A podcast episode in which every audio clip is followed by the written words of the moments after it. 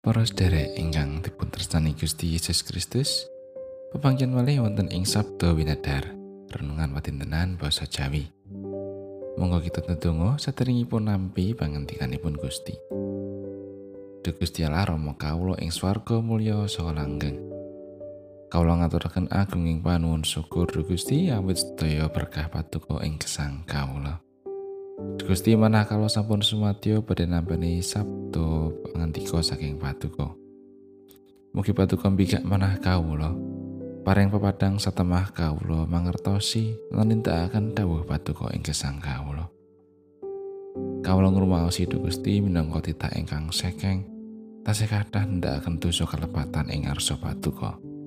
Mugi Gusti kersa ngapunteni. Sedaya panyuwunan kawula menika kawula nunjukaken linambaran asma dalam Gusti Yesus Kristus. Amin. Wawasan kapendet saking setunggal Petrus bab kali ayat setunggal dumugi tiga. Marga saka iku padha mbirato saking piolo, sarta sarupane para cidra, sarta lamis lan drengki, apa dene saking pamitenah. Dikaya bayi kang nembe lahir, kang tansah kepingin marang banyu susu kang murni kang asipat rohani. Supaya marga saka iku padha lestariyo tuwuhmu ing bab karahayon. Menawa kowe nyoto wis padha ngrasakake sih kadarmaning Allah.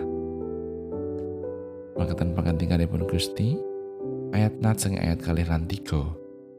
Dikaya bayi kang nembe lahir kang tansah kepingin marang banyu susu kang murni kang asipat rohani supaya marga saka iku padha lestariyo tuwuhmu ing bab karahayon.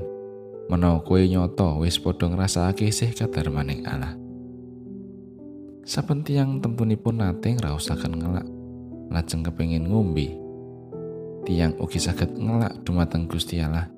Kados dene bayi ingkang nembe lahir ingkang ngelak dateng toya susu ingkang murni. Tiyang menika mesti sami lestantun lan rahayu gesangipun lan saged ngraosaken sih maning Allah ingkang ageng. Kosa wangsulipun para tiyang ingkang boten ngelak dhateng Gusti mesti bakal nampi kapitunan ageng. Wonten ing gesang watintenan kita kathah tuladanipun. Tiang ingkang nilar Gusti lan boten ngelak dhateng Gusti, lampahipun mesti kesasar lan tundanipun bakal nampi paukumaning gesang, kasangsaran, lan tebih saking kamulyan dalah kawilujengan. Pramila menawi kita kepingin tansah binerkan dening Gusti ing sadengah perkawis. Sumangga kita sami ngelak dateng Gusti.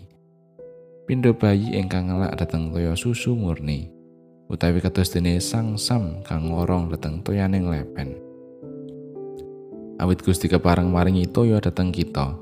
Kados dene pangantikanipun Gusti Yesus, sing sapa ngelak iku marana aku lan ngombe yo. Toya menapa ingkang badhe dipun paringaken dening Gusti? Menapa ingkang dipun umbi? Wangsulanipun inggih menika Roh Suci. Roh ing Allah, Roh ing Kristus piyambak. Roh sumbering gesang ingkang tansah ngilekaken toyaning gesang saking batos kita. Sumangga kita ugi sami ngombe srana tinar buka dhateng pakaryaning Sang Roh Suci.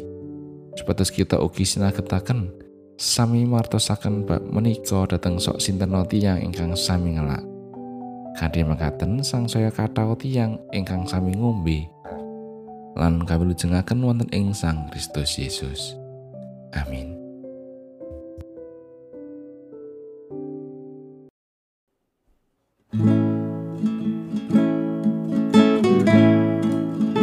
sangsara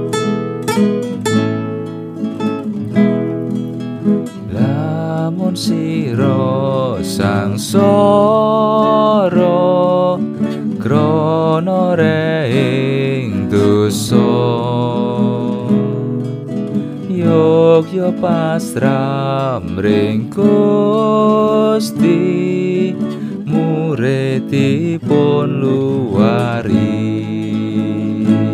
Sang Kristus mo asih mring tiang